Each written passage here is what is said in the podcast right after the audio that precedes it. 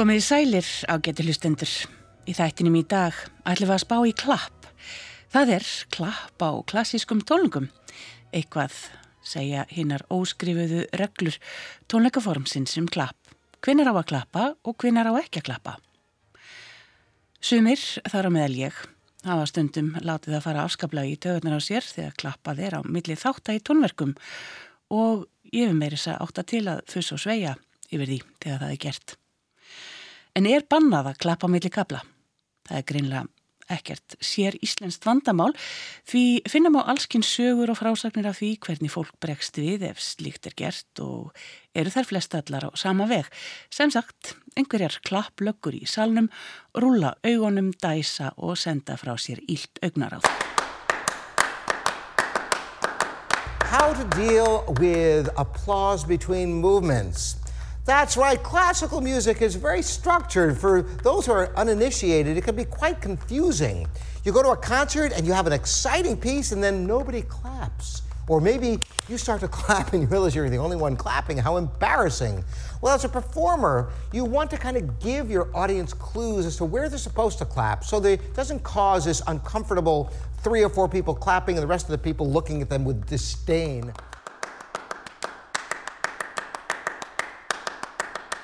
It feels really good when people clap. But sometimes in a classical concert, there's a tradition where you're not supposed to clap between movements. Yeah, I don't know why there's, there's a clapping thing going on. Can't clap between movements. But that's just how it is. Clap when you feel like it. But just don't blame us when you're the only one clapping. Yeah, it might piss a lot of people off though. You clap. Yeah, and there's always that person that always has to be the first person to clap after a piece. It's like the end of Sibelius' Fifth Symphony. Dun, and then someone claps apparently. Oh And then- no! And they go dun, and after the one they go, sorry. Are you serious? Yeah, that's true.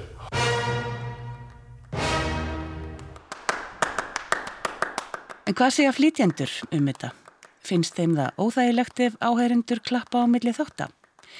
Ég fór nýr í hörpu og náði tala af þeim Unu Sveinbjörnadóttur, Þóri Jóhansinni og Herdísi Önnu Jónsdóttur sem öll leika í Sinfoníuljómsett Íslands en heyrum fyrst í Jökli Torfasinni sem starfar á markasteilt Sinfoníuljómsdarinnar. Já, ég veit að hann bregður mörgum við og það eru svona ákveðna hefður og vennjur sem að myndast en, en frá svona markasjónarhóðni að þá þá svona er eitthvað sem að gleði mig smá þegar að klappa milli kabla að því að þá er markmið mínu náð að ná nýju fólk inn í salin nýjum áherendum sem að kannski þekki ekki þessar reglur sem að má deilum hvort þessu þarfar eða ekki en, en það allavega gefur mér eitthvað svona vona nesta um að hér séu nýjar, nýjar áherendur Það er endar í efniskránu okkar, stendur, við sérlega ekki klappa nema í lók verk, verka uh, og þannig að við höfum alveg haldið þessari hefð á lofti sko. uh, Persónulega finnst mér að við ættum að hætta þessu. Ef þú veist að mætti, ef þú, ef þú ert ánaður og þú fáir bara tjá það og að þið líði ekki eins og að þú sett í spennitreyju eða þú þurfir að haga þér ákveðin hátt að þú, eða þú finnir svona, já, að þú skammist inn fyrir hvernig þú bregst við tónlistinni. Ég held að það sé ekki kannski helvænulegt Þannig að markasfræðingurinn, hann fagnar klappa melli kabla. Já, já, má örugglega ekki segja þetta. En uh, já, það er allavega mér finnst að vera jákvætt, það sýnir einhvern veginn að, að það eru það er nýtt fólk, það er einhverju sem að þekki ekki þessar óskrifu reglur sem að dominera yfir, yfir þessu formi. Ég er algjörlega fylgjandi því að sé klappað á milli kabla og fólk síni tilfinningar sínar og við finnum alveg orkuna úr salnum. Og núna til dæmis á batnatólkum þá er bara það er bara klappa þegar mallin segir að, að fólk er að klappa og, og hjartað. Og það er held ég bara rosalega holdt og við finnum það alveg á sviðinu líka. Og getum þá bara gefið meira á okkur. Og hérna ég held að þetta sé kannski, ég held að Richard Wagner byrja ábyrða þessu. Þetta er svolítið hérna það var svolítið verið að taka sjálfan sig og kannski formið of alvarlega á sín tíma. Um, til dæmis í barokk á barokktímanum voru óper, í óperunni þá var fólk reynilega bara í partíi sko og kom bara með nesti og, og var að knúsast einhver staðar baku eitthvað tjald sko. Og svo er bara, svo er bara klappar og svo mikið og þá er Arjan kannski endur tekin tíu sinnum sko. Sem að var á toppi vinsaldalistans þann daginn sko.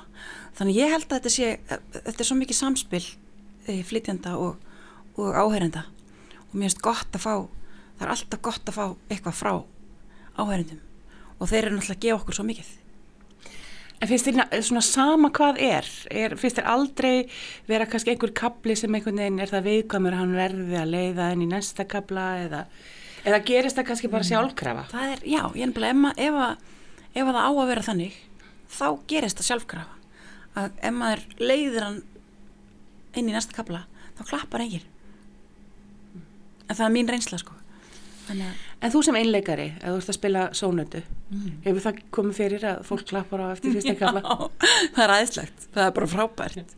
Og ég hérna sko allavega í setni tíð bara fíla það mjög vel. Þá bara verður maður að gera eitthvað rétt það er einhver glaður yfir. En þú endur tekur ekki kapla? Ég hef ekki gert að hinga til en það er kannski bara kemur að því Endur tekur, endur tekur kannski svona best off, veist, það sem var sko. flottast. já þá þyrfti maður eiginlega að gera útdrátt bara Já. en þú ert, þú ert sátt og þú, þegar þú ert sjálf á tónleikum og ert að hlusta og fólk um, klappar á milli kapla, sko, ég er, hef verið í gegnum tíðina svolítið sjálfskipu lögga og hef verið, sko, verið að tók ég í, þú veist, greip ég í hendurnar á ungu manni sem satt við hliðina á mér fyrir mörgum árum og hún brá svo hryllilega, ég veist sem hann eru aldrei farið á tónleika eftir það um, sem ætlaði að fara að klappa á milli kapla Já. þú verður ekki svona pyrruð inn í þér? Nei, sko, ég reyndar geri það, ég klappa ekki sjálf á millikabla af því að ég er svo hlýðin og læriði einhver tíman að það gerði maður ekki. Og líka hreinlega því að mér finnst sko, sem tónlistamæður er maður alltaf að á kvöldin þegar maður fer á tónleika og þá finnst mér klappið hérna að taka erna orkuna mína eða heyrnar orkuna mína frá mér. Þannig að ég klappa ekki á millikabla sjálf nema þessi einhver rosaleg sko, ég er náttúrulega geta alveg verið svona hérna mjög áhrifagjöld ef, ef allir klappa eftir eitthvað geðveikt. Og á djastónleikum klappa ég. Eftir, þú veist, ef mér finnst eitthvað sól og frábært þá bara klappa ég og bara woohoo og eitthvað Já. mér hérna, já, mér finnst það líka hérna bara partur af, af þessu að, að láta vita það er oft, allt og mikið leggur á milli flytenda og, og hlustenda Ættu við að, að endur skoða þetta form á 21. öldinni? með klappið sko ég held kannski að, að hérna, við hljóttum að geta fundið bara, ég held að ættum bara að láta þetta vera og hérna og hérna sumir klappa og aðri klappa ekki og það klappa smá. Það er bara eðlilegt. Og, og fólk er ekki eins. Það er ekki allir hérna það er ekki allir, við erum öll svo mismunandi og við þurfum bara að bera virðingu fyrir því. Sko fyrir að fyrst að það bögga mig eiginlega ekkert sérstaklega mikið. Uh, þeir sem klappa þeir eru að fagna og þakka fyrir flutningin þannig að mér finnst það bara sjálfsagt mál það er það sem kannski mér finnst alltaf pínandi skrítið er þessi er þessi, þetta er svo andrúsláns sem skapast þegar það gerist þegar allir hinn sem klappa ekki eru að reyna að koma þeim skilabóðum áleis að svona er ekki gert Löggurnar í salnum. Já, í rauninni, það frekar það. Þú veist, þú veist, ef enginn klappar þá brýtur það ekki upp, upp þetta andurslofti að fílingi sem er í gangi. En, en mér finnst alveg sjálfsagt að fólk fagni ef það finnur þörf fyrir því. Finnst þér þetta hafa áhrif á einbyttinguna hjá þér? Ekki á mér, nei. Engin áhrif. Og jáfnvel þó þú sért uh, sko, ekki í svona stóru, stóri grúpu eins og Sinfóljóst Íslands eða þú ert að spila í smæri grúpum að þetta gerist eða jáfnvel einleikstónleikum sem að kannski var fyrir einhverju síðan. Nei, ég menna ef ég, er í góðum fíling þá er ég alveg í sóni og allt í góðu með það. Já, töfla mig ekki. Mm. Finnst þér ef ættum að, að leifa þess að þróast í þær áttir sem að, að þetta vill þróast? Sko þessi hefð að klappa ekki með allir kapla, hún er frekar ung, er það ekki, frá tími maler ef ég mann rétt. Að þetta er ekkert gömul hefð. Það er allt til að þetta fara tilbaka, mín vegna. Já, ég held það. Ég þarf aðeins að hugsa þetta, en, en ég held það. Að leifa fólkinu að vera hérna, frjáls, frjálslegt í fasi. Já, ég held það. Þetta, er, þú veist, ef maður snýður svo við, eða þú veist, horfið til jazz heimsins, þegar ég minna ég hef heyrt það rattir það sem, það sem sumum, sumum flytjendur þar sko myndi gerna vilja að fólk leti vera að klappa eftir svona. Þannig að, þú veist, þannig er ákveðið konflikt líka. Já, þetta er nú góð spurning. Um, um, já, það trubla mig sko ekki sem spilara. Ég held að sem er, ég er svo meðvirk að ég, ég er svo hættum að trubla alla hina sko sem ekki vilja láta klappa, skilur hvað ég meina. En persónulega trublar, það fer eftir hvað stemning er. Ef, ef þetta er fallegur kapli og, og hugljúfur, þá vil maður hafa stemninguna svona í loftinu. En ef þetta er einhver sko brjálaðslegur flottur kapli að sko sjálfur langa mig stundum til alveg öskra og bara Wei! og þetta var gert sko. En það er komin einhver svona styrleiki. Ég fer bara svolítið eftir stemningun þetta persónulega trublar mig ekki nema þegar sko þegar þetta fer inn í fer inn í orkuna á fallegum kabla og ég sko besta sko upplómun fyrir mér á tónleikum er eftir sko fallegt verk þegar að sko síðasti tónin fara að lifa lengi, lengi. Og það bara maður fer inn í einhvern, maður bara speysar út sko eða fer eitthvað upp í heiminn kvolvið og enginn byrjar að klappa, það kemur þessi stóra þögn. En það fer algjörlega eftir því hvernig þetta verkið er, er ef þetta er eitthvað, einhver brjálagslegur endur rosaloka tónar, þá vil maður bara standa upp og öskra. Satt Ámar að leifa sér það? Finnst þér að við eigum að leifa þessu formi að þróast? Wow, stort er spurt um, Ég veit það ekki Ég þarf að hugsa um þetta Heldur að gæti verið að, að sko, fólki sem er ekki vant að koma á sinfoníutónleika finnist þetta einmitt svona eitthvað fráhrítandi og þess að sé talað um elitutónlistina, eitthvað sem að það þurfi að kunna haga sér, það þurfi að, kunna, það þurfi að skilja þetta. Já, þetta ég nefnilega, já, ég held að sé svona eitthvað, sko, ég, ég finn svolítið fyrir uh, því að ég mitt þegar fólk sem ekki er vant að koma á tónleika og byrjar að klappa á milli kabla, þá svona verða hinnir sem að kunna þetta, kannski svolítið svona, óh, oh, þessi nýr. En við þurfum bara að finna eitthvað kompromiss, ég menn það er alltaf allir einhvern tíma nýjir og, og mér finnst það eftir ekki að vera, ég menn ef fólk vil klappa þá þá ætti það að vera æ, já, eins og ég segi það fer algjörlega eftir stemningunni. Ég set, þar set ég línuna að, að ef þetta er eitthvað þannig að, að, að þá finnst mér ekkert, þú veist en nei, hitt er líka svolítið stíft ef að bara ef við ættum að banna að klappa. Það er, þetta er bannað að klappa. Já, bannað að klappa, ég, ég er ekki þar. Það er bara, það finnst mér það er einhver hefting og tónlist er flæði og við þetta flæði á milli áherenda og tónlistafólks, það á bara að vera lifandi og ef þú hefur tilfinningu, ég gleymi ekki þegar við vorum á skálmalda tónleikonum það var, það var eitthvað svo organik allt þar og bara fólk stóðu upp en það er þannig tónlist. En mér leið vel í þessu og, og það einhvern veginn maður fann að flæði var svo, já, það var svo lífrænt einhvern veginn á milli.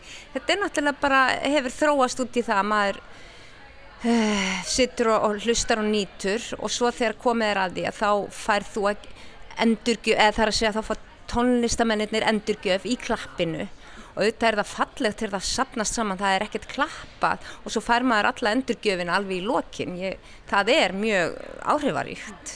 Þannig að ég, þetta er svona begja bland, ég held ég geti ekki lagt neina svona einhverja línur bara, en ég myndi ekki, þú veist, uh, ganga frá þeim manni sem sittur í liðin á mér og, og, og, og klappa brjálagslega eftir einhvern flottan kabla, ég held ég myndi bara ég bara myndi ekki bara klappa með honum. Ef þetta er brjálagslega flottur þú veist, hérna, endur á, á einhverju, já, eftir einhvern fyrsta kapli Sibelius.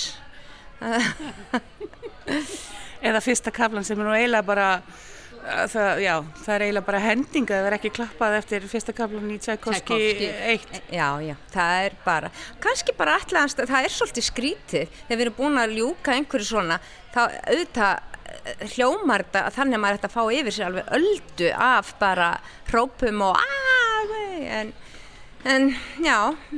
Ég fór að hugsa sko, sá, sá koncert, það er náttúrulega gefin út á plötu sem allir áttu með að skenna sig og það var hérna, uh, fyrsti kaplinn er á hlið A. Og svo eru henni tveir á hlið B. Ég var að spá hvort það, það sé þess vegna, fólk Já, bara, fólk það bara fara aðeins að jafna sig fara fram er að hlusta. Já. getur aðeins jafna sig þarna eftir Það er að skipta um hlið. góð pæling. Ég, ég er alveg viss um að þetta er svona það þarf að, það þarf að kúpla, svona, kúpla sig niður. Það þarf að ná sig niður. Góð hugmynd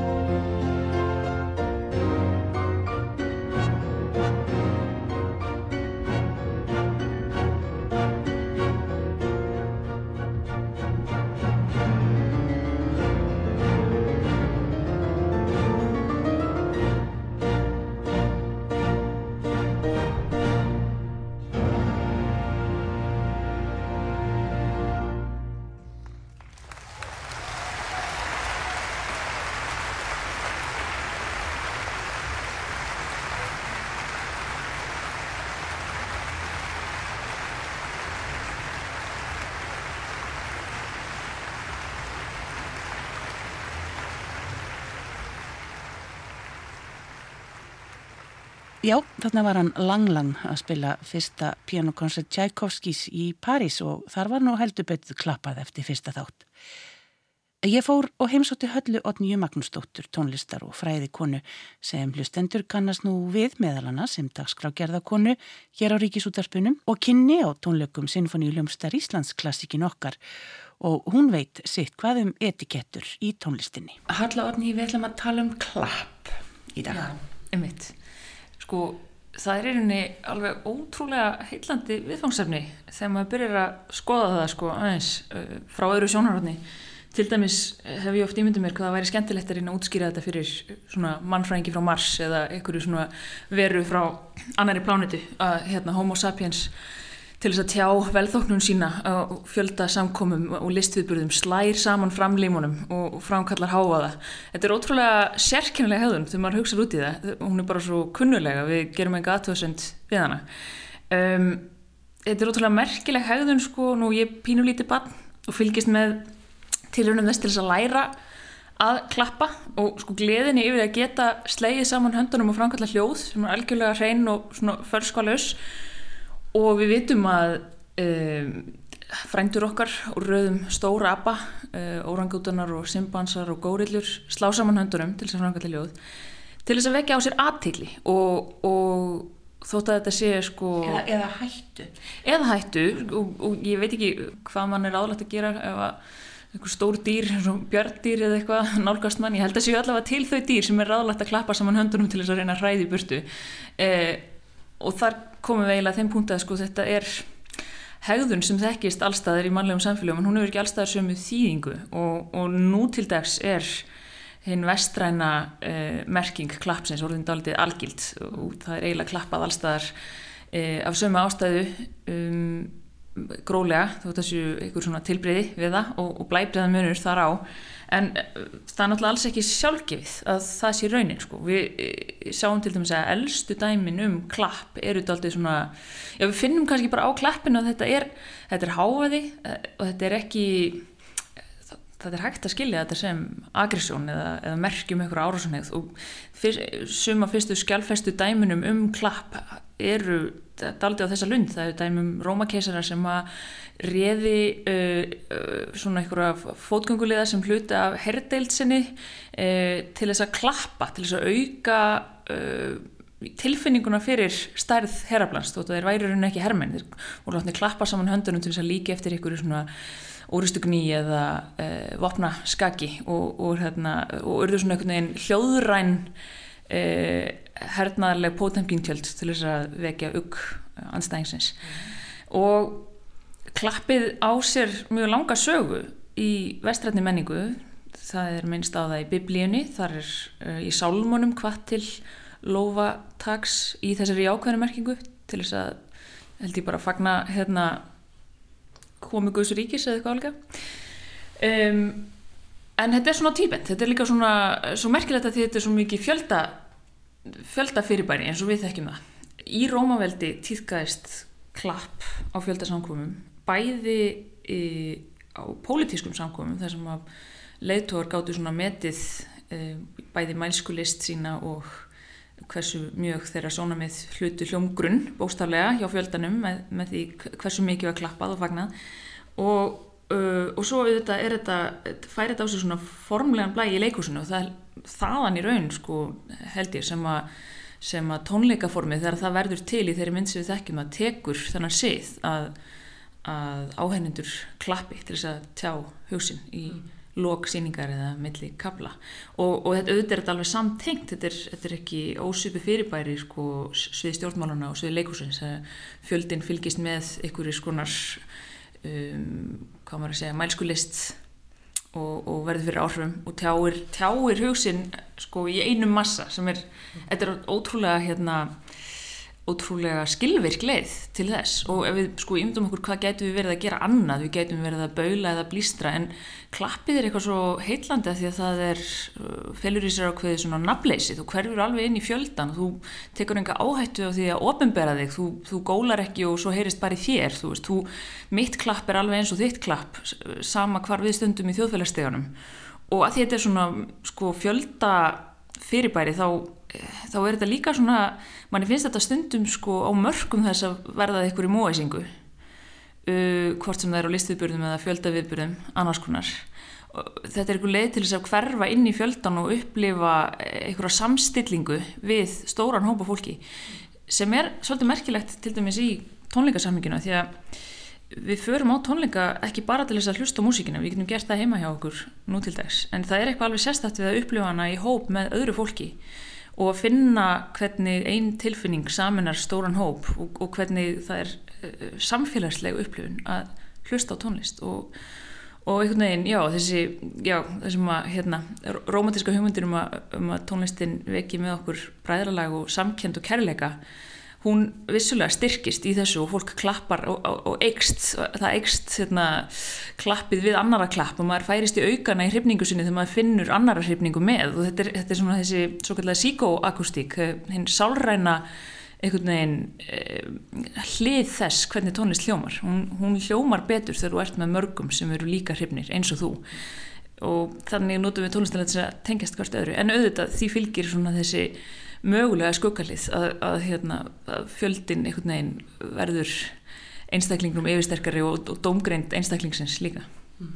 Það sem er kannski aðdeglisvert við þetta er að það er ekki kannski beint að maður vilji banna fólki að klappa millir kabla heldur myndum maður kannski helst vilja hvetja fólk til þess að hlusta og vera næmt fyrir umhverfu sínu og, og bregðast ekki við á velrannan hátt nú er eitthvað búið, nú á ég að klappa heldur kannski bara huglega með sjálfum sér er er þetta rétti tíminn til að klappa? Á ég að rjúa þessa þögn? Er, er, þessi þögn betri ef hún er rofin og, og gerða klappi?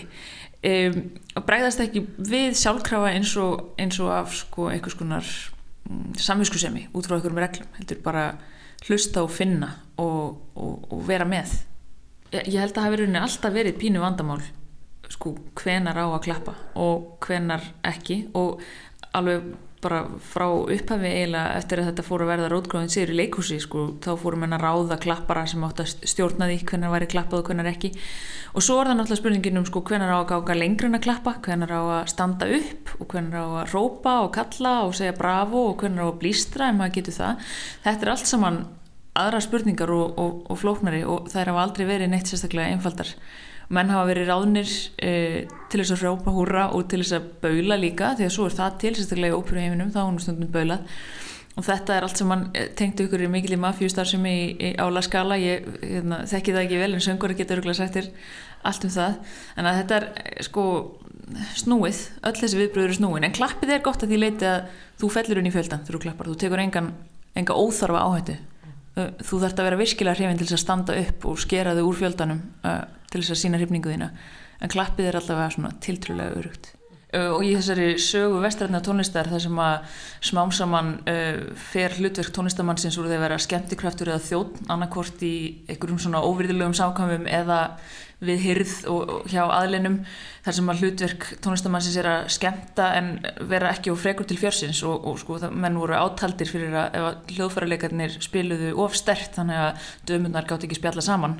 Uh, og hegðun tónleikagesta á tónleikum, já tónleikar voru bara ekki eins og við þekkjum það, þeir voru tónlist var hluti skemmti atriða á skemmti kvöldum þar sem að tónlistin var til indisauka en ekki kannski aðalatriði sjálfu sér. Uh, skemmti tónlist, tónlist sem hafði ákveðið hlutverk og, og, og var ekki, veginn var ekki skipaður virðingar meiri sess en svo að, að tónlingagestirnir voru í forgrunni og tónlistamennirnir í bakgrunni. Mm. um, svo, svo gerist þetta smámsaman og kannski að stærstum hluta með uh, tilkomu uh, romantískra hugmynda og þýskra romantíkar um, um snillingin og um heið háleita í listinni og, og hérna heið ægifara og, og svona nánast trúarlegt intak fegurðarinnar mm.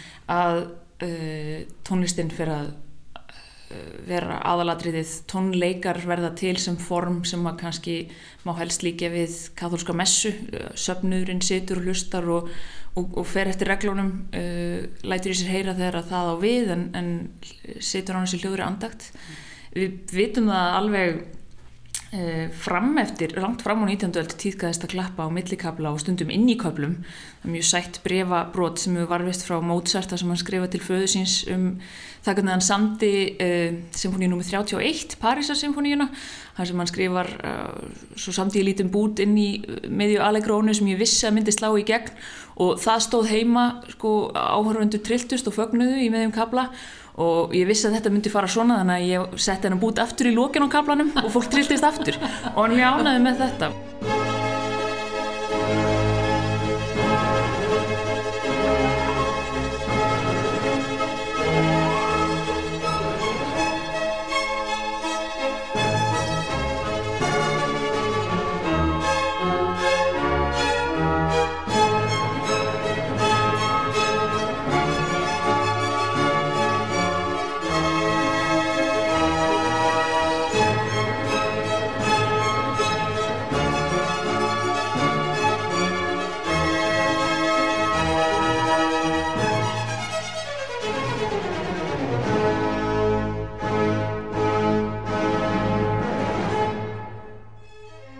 líka þessir fyrstu romantísku um, tónlistarmenn sem að ná svona einhverjum rockstjörnu stað í veröldinni eins og Frans Liszt sko, byggust menninis við því að það væri fagnad í lókin á mjög erfiðum og, og flottum einlegskabla í lókin á Katensum í koncertum til dæmis var, var fagnad ákæft mm. og svo má náttúrulega ekki gleyma því að framanaf uh, var ekkit endilega uh, tónleikar voru skeiplaðir endilega þannig að, að verk væru flutt í heilsinni fyrsti kapli, annarkapli, þriði kapli og fjóri kapli í koncertið eða symfóníu það var kannski já, til dæmis bara þegar að Chopin frumflutti Emol-koncertin sinn í Varsjá 1830 það seint, þá, þá var fullt af öðrum verkum sko, sem að voru leikin eftir fyrsta kaplan í pianokoncertinum og svo, svo kemur annarkaplin og svo einhver verkan á milli og svo þriði og enda heyrum við alveg sko að þessi verk bæði klassískir og romantískir koncertar alveg langt fram eftir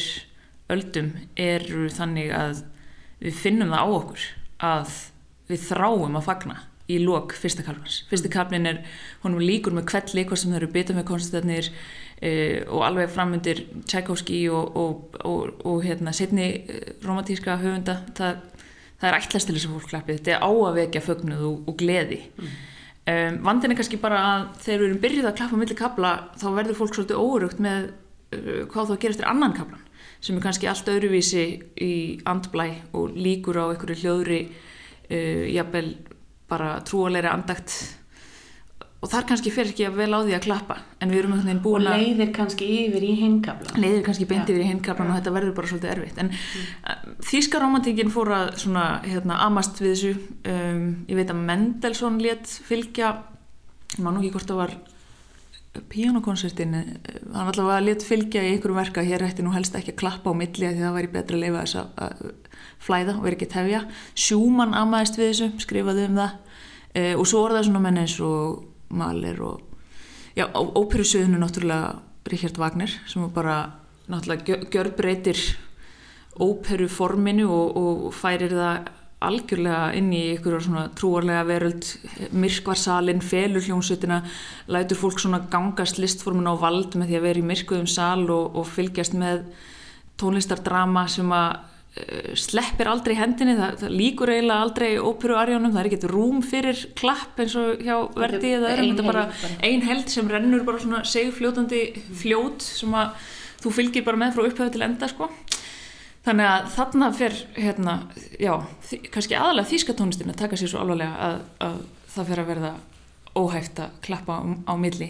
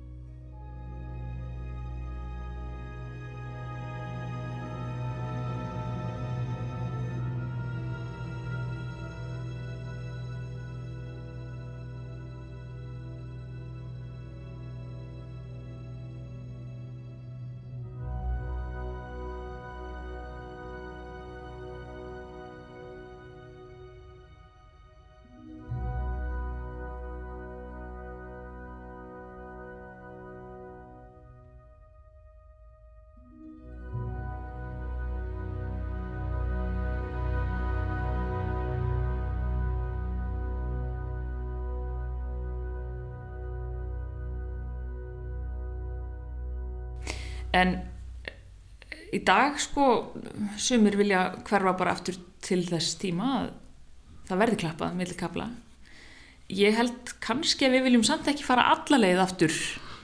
Af því að ég held að sko mörgum okkar þykir mjög vænt um um, kyrðina sem skapast og, og þetta sko kannski ekki trúarlegu andagt en allavega eitthvað svona upphafna stemningu sem skapast líka á tónleikum þar sem að margir koma saman og hrífast saman.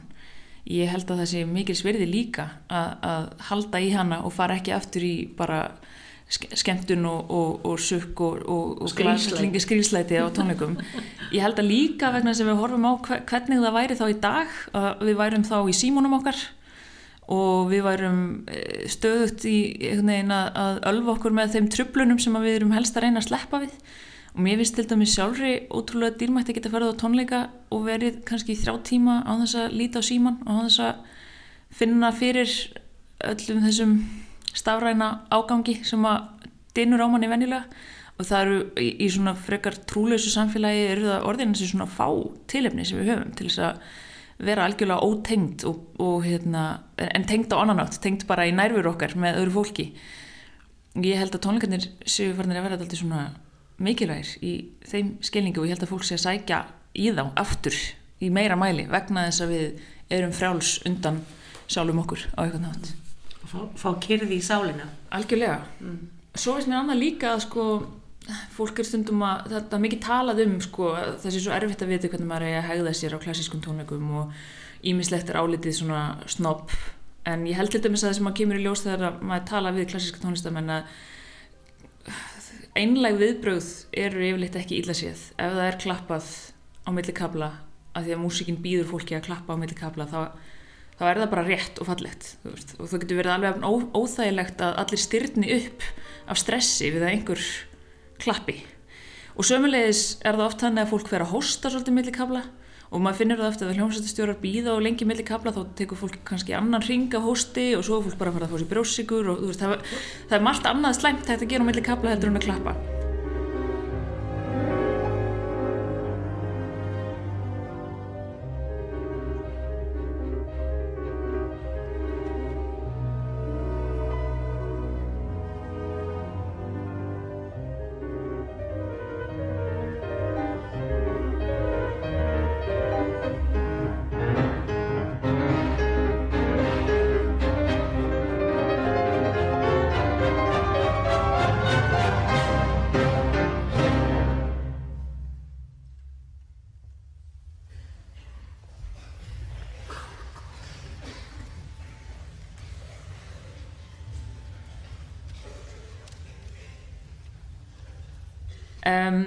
ég held að við gerum kannski of mikið úr því að tala um etiketturnar á klassískum tónleikum. Ég held að um, það eru þessar almennu fast mótuðu viðmiðunarreglur en það er rosalega létt að fylgja þeim og ég sjálf væri til dæmis miklu stressari á alls konar annars konar tónlistarsamkomum þar sem að til dæmis fólk þarf að dansa eða, eða svona dilla sér en ekki alveg dansa og, og það sem eru svona fleiri óskráða reglur í öðrum tónlistarstefnum, ég tala nú ekki um ef maður þvæltist inn í mospitt á þungurákstónleikum, ég myndi eiga mjög erfitt með að vita hvernig ég ætti að hæða mér þar. Uh, fyrir mig eru þessi formligheit svo mikil frelsun undan því að þurfa stöðut að vera að hugsa um hvernig maður eigi að haga sér. Og reyndar finnst mér þetta um almennt í samfélaginu að formlegheit séu grólega vannmetin í samtímanum að því að þau einhvern veginn við sem erum öll að kljást við einhverja félagskvíða og, erfiðleika mannlegum samskiptum að eiga bara einhverja svona góðar, tröstar, kurtislegar, klassískar hegðunarreglur eða viðmið það getur frelsamann undan mjög miklu stressi og, og til dæmis á tónleikum að geta bara setið kyrr og hlustað og þurfa ekkert að hafa ágjörðið að maður dansi aðsnalega, þetta er bara dýrlegt Nú til dæmis eins og proms tónleikum uh, tónlistarhátti í Breska, Breska útvarsins að um, þeir í raunum veru hafa svona gefið hálf ofinbært leifi til þess að klappa eftir fyrsta kabla Einmitt. í klassikum konsertum. og jáfnvel romantískum líka.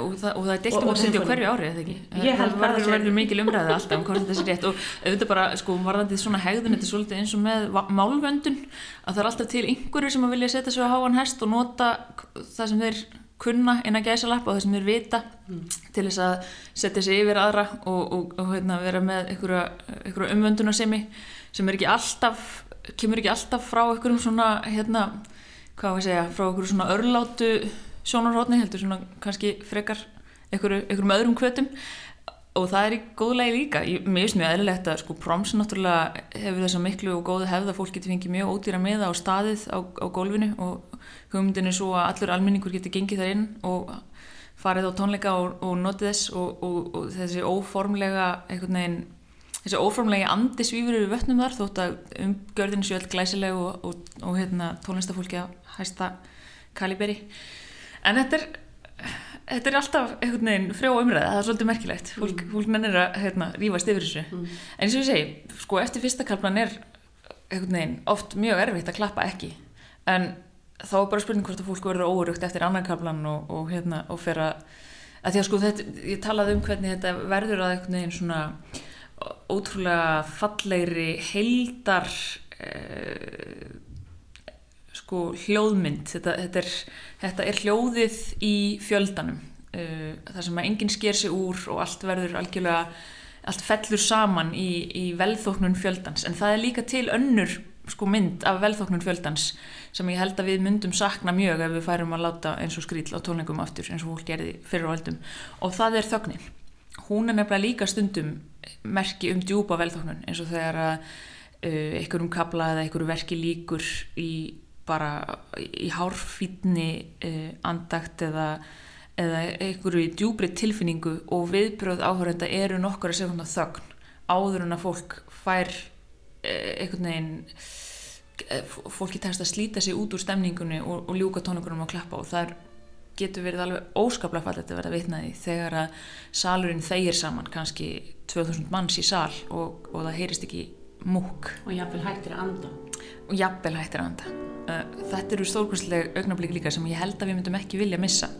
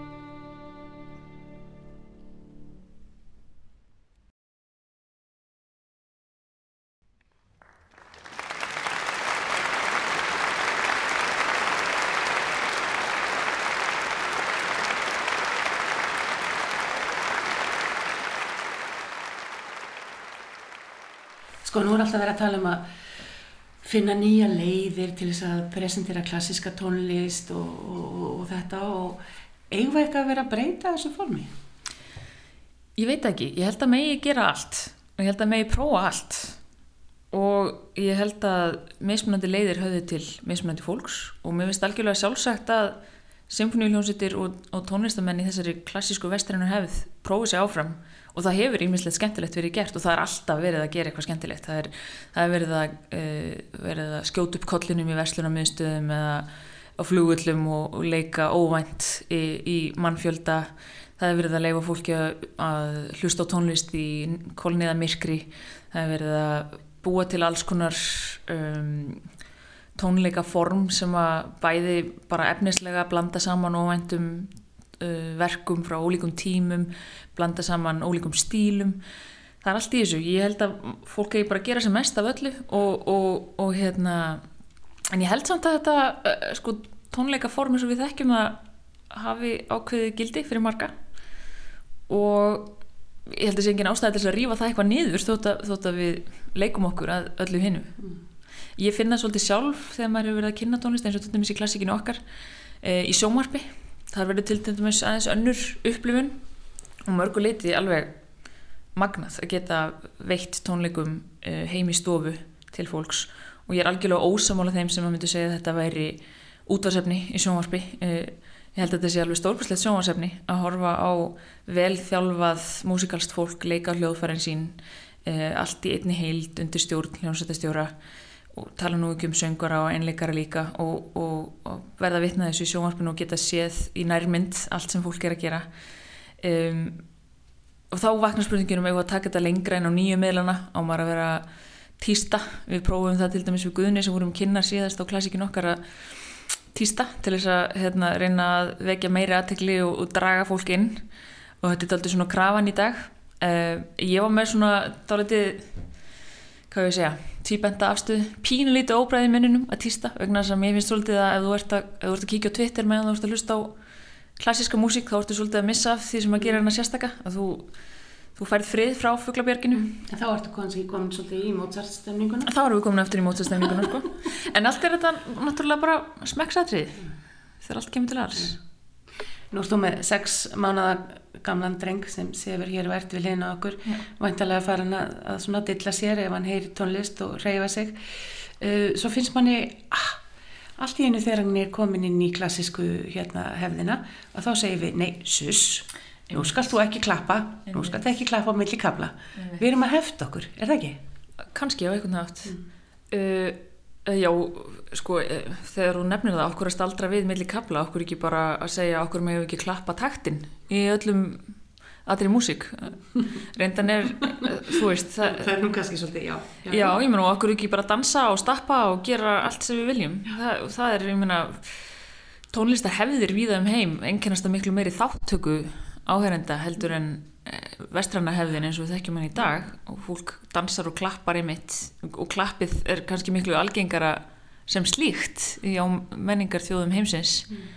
uh, heldur en einhvern veginn skilist í lok einhvers sem á að tjá velþóknar og þetta er bara leið til þess að, að taka þátt í hérna, taktinum og, og tjá eigin einhvern veginn hrifningu og upplifun og, og veginn, taka þátt og vera, vera með í bítinu sko.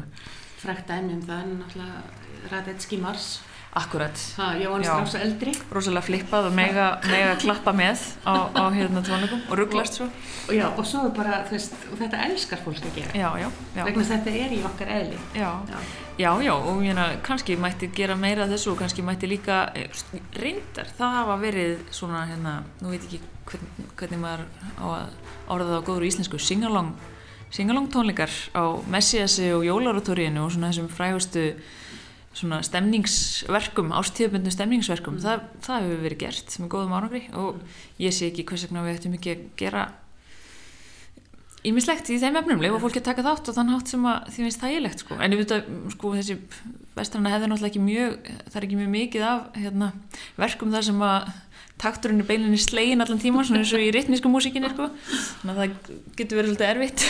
Nákvæmlega, en Eftir þessar rannsóknir mínar, þessar óvísendalegu rannsóknir mínar og þessar hérna, stuttu yfirferðum klappið, þá held ég að ég hætti að gerast þessi lögga sem að grýpur í hendina á fólki og bannar þeim að klappa á melli kapla eins og hefur nú gerst hjá mér.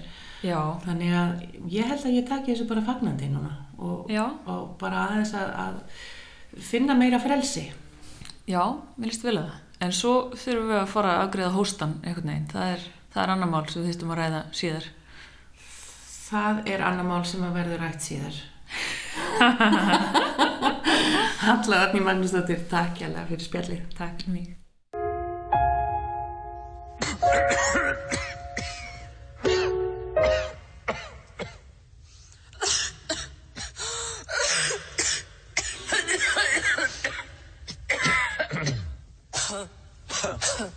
Ha ha